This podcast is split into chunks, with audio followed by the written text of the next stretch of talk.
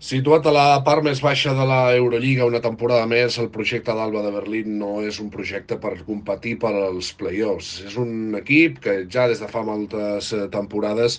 es dedica a treballar joves talents i a intentar produir el millor resultat possible des d'un joc alegre, des d'un joc eh, diguem, més contemplatiu a nivell defensiu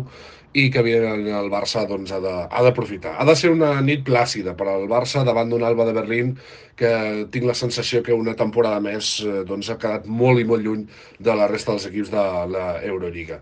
Jugadors a tenir en compte, doncs torna de lesió Johannes Thiemann, que és un dels seus eh, millors jugadors, ara mateix el jugador més valorat, un jugador que després de la sortida de Lux Sigma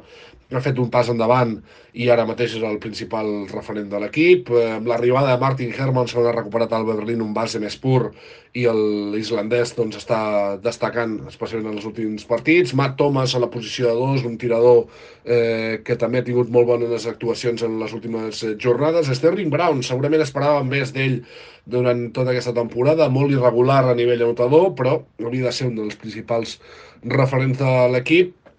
i a la posició de 4 s'ha consolidat ja Yannick Betzel, el jugador de Bascònia, que també passa un bon moment a nivell ofensiu i que, tot i així, eh, segueix un jugador bastant irregular i que, en principi, no hauria de ser massa problema per al Barça.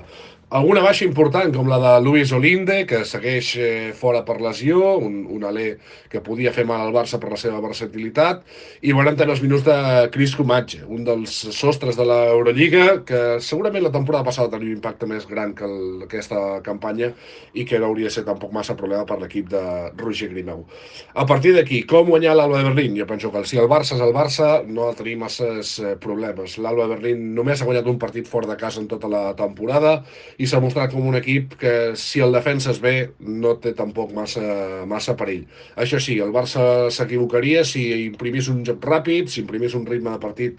eh, en un punt de falta de control, perquè és un millor viu l'Alba de Berlín. Té diferents alternatives a, en atac i, per exemple, jugadors com Gabriel Eprochida els hi costa molt poc encendre's i agafar un moment de, de ratxa. Per tant, és important per al Barça el control de, rebot ofensiu, control de ritme de partit i sobretot el domini des del principi per marcar que això és el Palau, que això és el Barça i que aquí l'Alba de Berlín no ha tenir ni una oportunitat en cap eh, moment. Per tant, s'espera una nit plàcida al Palau per sumar una nova victòria que el mantingui al capdavant de la Eurolliga.